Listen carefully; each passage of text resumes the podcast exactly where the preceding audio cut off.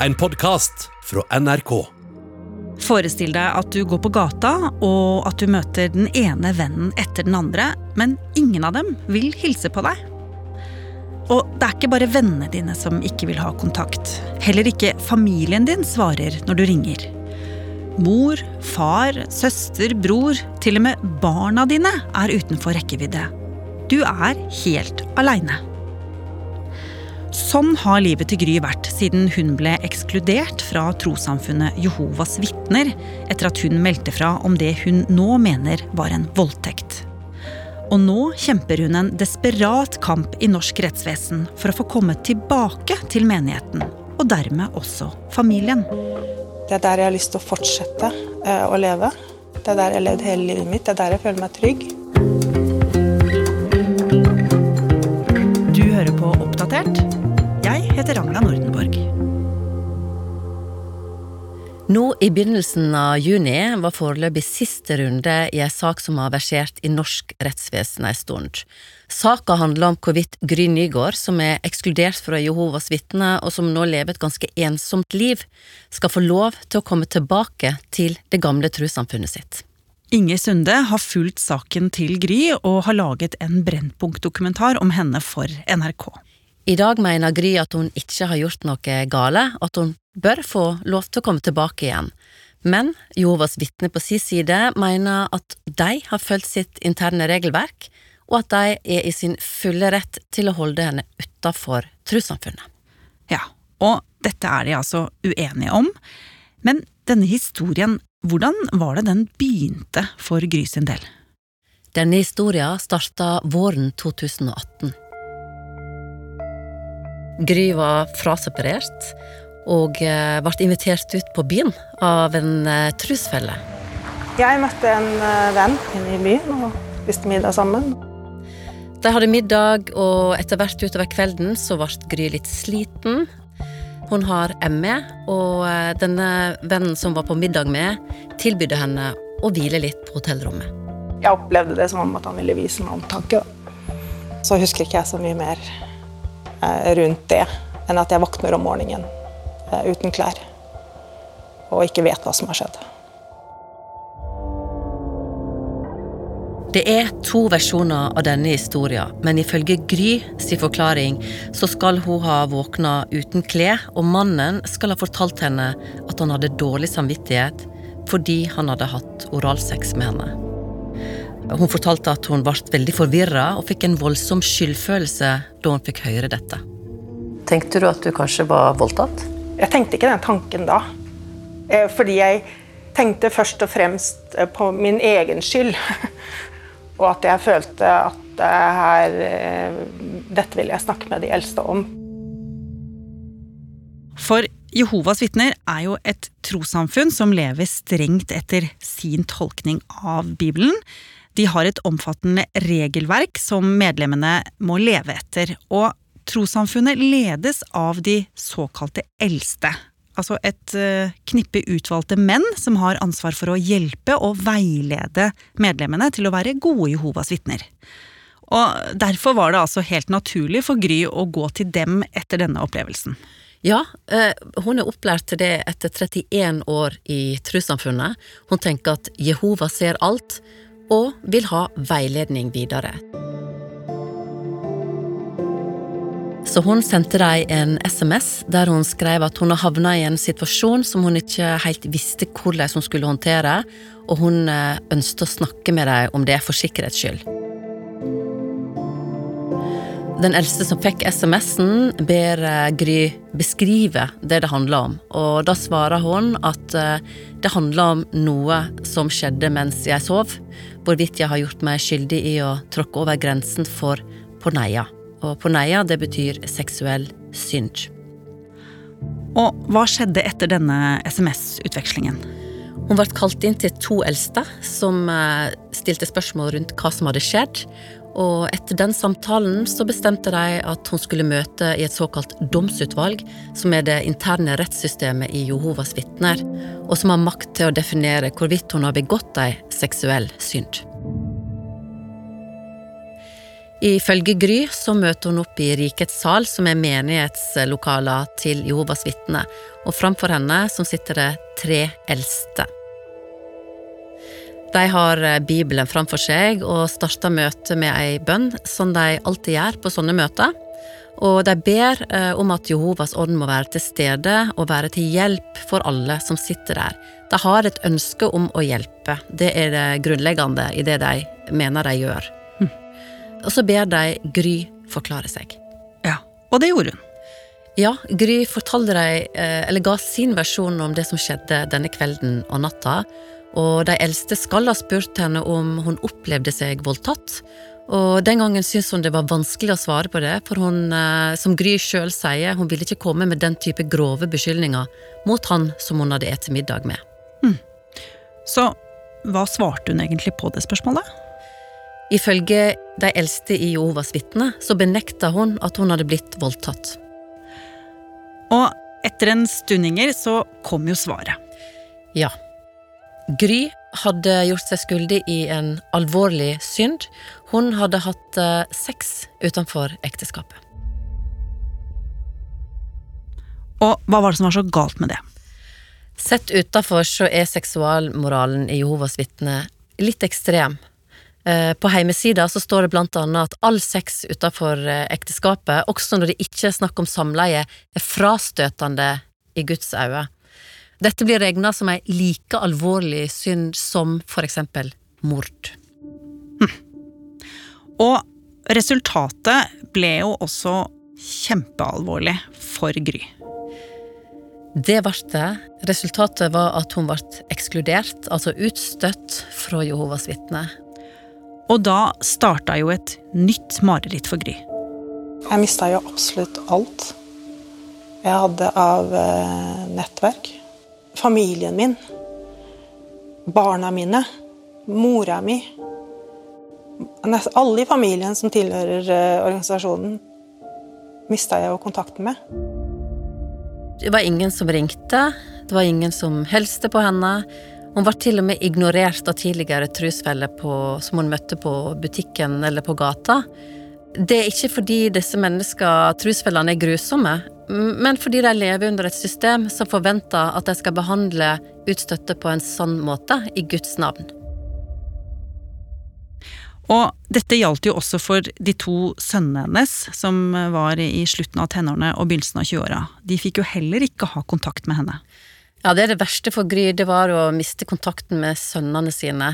Eh, det er forventa at de også skal være lojale mot Jehova og holde seg unna mor.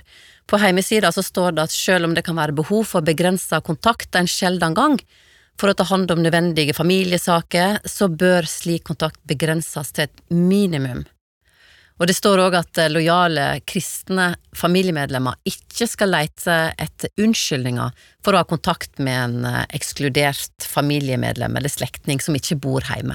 Hm. Men Hvorfor er egentlig dette så strengt? Hva er det det begrunnes med? Altså det bibelverset som blir brukt, det er at dere skal slutte med å omgås enhver som kalles en bror, og som likevel praktiserer seksuell umoral, eller er grådig, tilber avguder, håner andre, er en dranker eller presser andre for penger. Dere skal ikke engang spise sammen med et slikt menneske. Og Gry var et slikt menneske etter at hun ble ekskludert. Så dette her med eksklusjonen, den nekta hun jo egentlig å godta. Hva var det hun gjorde? Hun gikk til appellutvalget, som er ankeinstansen til domsutvalget, og der møtte hun på ny tre eldste, som stilte spørsmål om hva som skjedde denne kvelden og natta. Og eh, resultatet derfra ble det samme. Hun ble utestengt pga. seksuell umoral. Men Gry kunne jo ha bedt om tilgivelse, for det går jo. Gry kunne vist ekte anger. Eh, de eldste kan måle anger hos synderen, og eventuelt da ta de tilbake om angeren er ekte nok. Men Gry har fortalt meg at det var vanskelig å vise ekte anger i og med at hun var usikker på om hun egentlig hadde gjort noe galt. Ja. Og med det var det altså bestemt en gang for alle. Hun måtte stå utenfor Jehovas vitner, mens sønnene og vennene var på innsiden. Men etter hvert så fikk jo Gry denne hendelsen fra kvelden på hotellrommet på avstand. Ja, Gry forteller at hun etter hvert begynte å skjønne at det, det var kanskje en slags voldtekt hun hadde blitt utsatt for. I dag er jeg ikke i tvil om uh, det som skjedde, var et overgrep. Men, uh, men, det har tatt meg veldig lang tid å akseptere de ordene. Og ta de i min egen munn. Faktisk uttale dem. Har du gått til politiet og meldt fra om det? Nei, jeg har ikke det. Jeg orka ikke rett og slett også og så gå løs på det, for jeg visste heller ikke hva det ville tjene meg til. Og dette er jo Grys versjon av denne saken. Ja, og jeg må understreke at vi i forbindelse med Brennpunkt-dokumentaren tok kontakt med den påståtte overgriperen.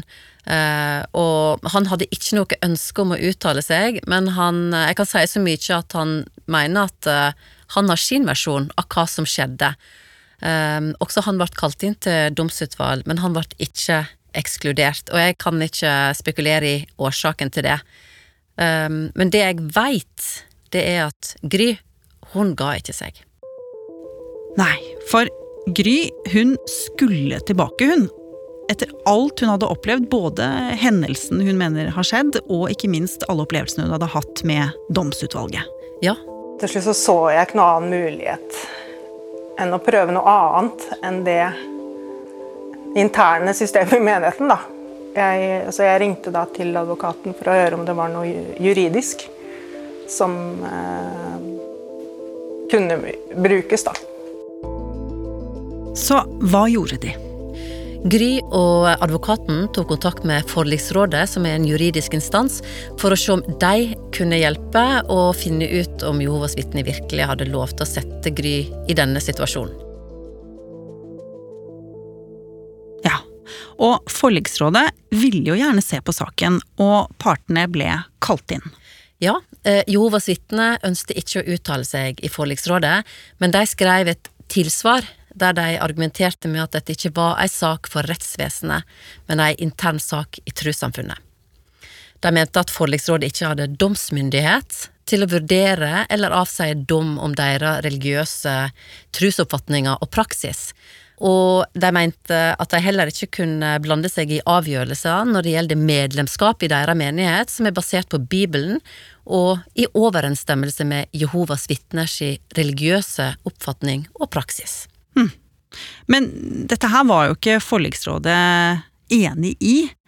Forliksrådet presiserte at de har en slik domsmyndighet i sånne saker som dette. Og hva var det de konkluderte med der? Dette var jo en utrolig interessant juridisk sak, og forliksrådet ga til slutt Gry medhold, og mente at eksklusjonen var ugyldig. Og i tillegg ble faktisk Jehovas vitner dømt til å betale Gry 100 000 kroner, og dommen var enstemmig.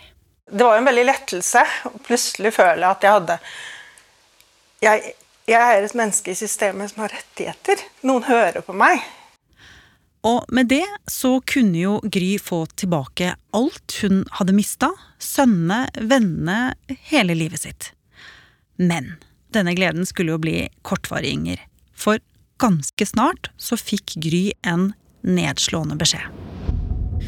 Ja, eh, Jehovas vitner hadde ikke tenkt å slippe henne inn igjen, så nå var det de som tok henne til retten i et sivilt søksmål for å oppheve forliksrådet sin dom.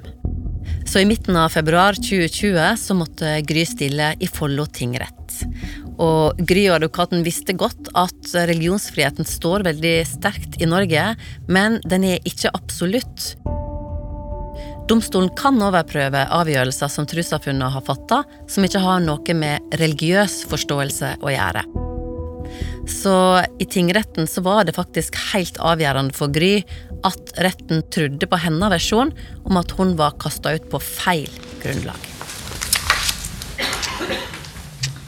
Vi fikk være med under rettssaka, og jeg registrerte jo at rettssalen ble fylt opp. Det kom inn dresskledde menn fra Jehovas vitner. og advokater med tjukke ringpermer og papir. En representant fra hovedkontoret i Holbæk i Danmark var til stede. Folk fra Jehovas vitner, både kvinner og menn, på tilhørerbenken for å følge med. For dette var helt tydelig ei viktig sak for mange. Da er eh, retten satt, og Follo tingrett skal behandle sak som eh, da er reist av Jehovas vitner Ski menighet mot Gry Helen Vollan Nygaard. Vi ser på dette som et uh, religiøst spørsmål som, som liksom er utenfor da, hva domstolene har noe med å gjøre. Og vi hører her at Jehovas vitne var opptatt av sjøl å få bestemme hvem som har rett til å være medlem av menigheten. Og de mente at det handla om trosfrihet. Og i dette tilfellet med Gry så mente de at de var i sin fulle rett til å ekskludere henne fordi hun hadde brutt reglene i deres øyne. De sa til og med at de hadde spurt henne om hun følte seg voldtatt, og da hun hadde svart som hun gjorde, så mente de at saka var klar. Mm.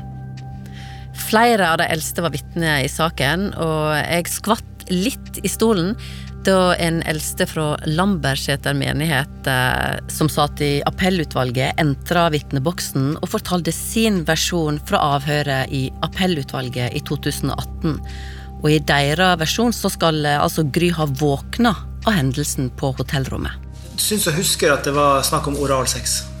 Akkurat det, det var noe hun var med på frivillig? Ja, eh, selv om det i utgangspunktet var noe hun våknet av skjedde utenfor hennes kontroll.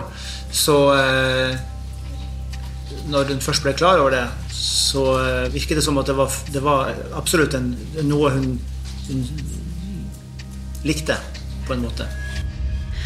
Så denne eldste som vi hører snakke her, hadde altså et inntrykk av at Gry rett og slett likte det som skjedde med henne da hun våknet. Og det sier jo også da mye om hvorfor Jehovas vitner mener at Gry har begått seksuell synd og dermed måtte ut av menigheten. Og etter en stund så skulle jo dagen komme for dommen. Og den dagen så var du sammen med Gry hjemme hos henne, og dere ventet på at advokaten hennes skulle ringe og fortelle om utfallet. Hallo, det er Gry. Hallo, Gry. Det er Håkon Danielsen her. Nå har jeg fått dommen. Ja, nå er jeg spent, altså. Jeg skjønner det. Mm. Jeg har dessverre ikke gitt medhold i denne runden, så du har uh, på en del punkter ikke blitt trodd, rett og slett. Yes. Takk, takk. Takk for at du ringte. Ok. okay. Da snakkes vi. Hei, hei. Hei.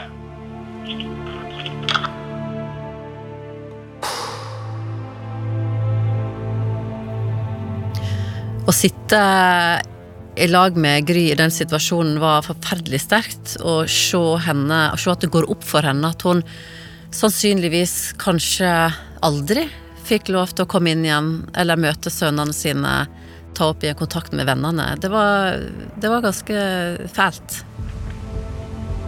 Jeg, jeg føler meg veldig liten akkurat nå. Veldig, veldig liten. Er det noen du kan snakke med nå? Dere.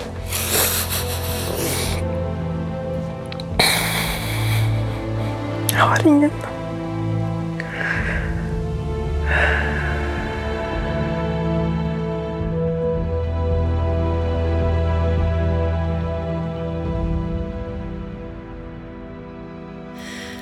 Men vi hører at eh, advokaten sier at hun ikke ble trudd, og det er fordi tingretten konkluderte med at Gry ikke hadde oppfylt sin bevisbyrde om at eksklusjonen er begrunna i et seksuelt overgrep. Gry anmeldte aldri voldtekt, og når Jehovas vitner spurte om hun følte seg voldtatt, så mener de at hun nekta for det. Retten mente også at eh, eksklusjonsspørsmålet gjaldt ei religiøs vurdering av om hun levde etter trossamfunnets lære, og religiøse vurderinger sier domstolen at de ikke kan ta stilling til. Men Gry hun ga seg jo faktisk ikke med dette. Hun anket saken, og nå i juni så var saken oppe i lagmannsretten. Tror du det er noen som helst mulighet for at hun skulle kunne vinne gjennom der? Og få komme tilbake til Jehovas vitner og treffe sønnene sine igjen? Det er det bare lagmannsretten som kan avgjøre, men det er helt klart at eh, det her er ei utrolig interessant sak, både menneskelig og rent juridisk. Og hvor sterkt står egentlig religionsfriheten? Eh, Og hva slags muligheter har et religiøst samfunn til å ta heftige beslutninger over et annet menneske sitt liv i Guds navn? Og snart kommer dommen i ankesaken, og NRK har vært i kontakt med Jehovas vitner i forbindelse med rettssaken i lagmannsretten. Og de ber om respekt for at de ikke vil kommentere saken mens den pågår.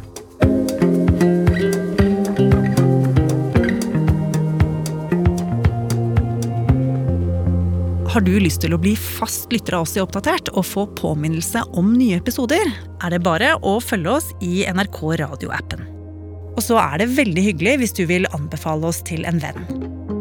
Oppdatert er en podkast fra NRK Nyheter, og denne episoden er laget av Ida Tune Øritsland, Pål Gauslå Sivertsen, Andreas Berge og meg, Ragna Nordenborg. Knut Are Tornås er redaksjonssjef. Vil du kontakte oss, gjør gjerne det på oppdatert krøllalfa nrk.no. Du har hørt en podkast fra NRK. Hør flere podkaster og din favorittkanal i appen NRK Radio.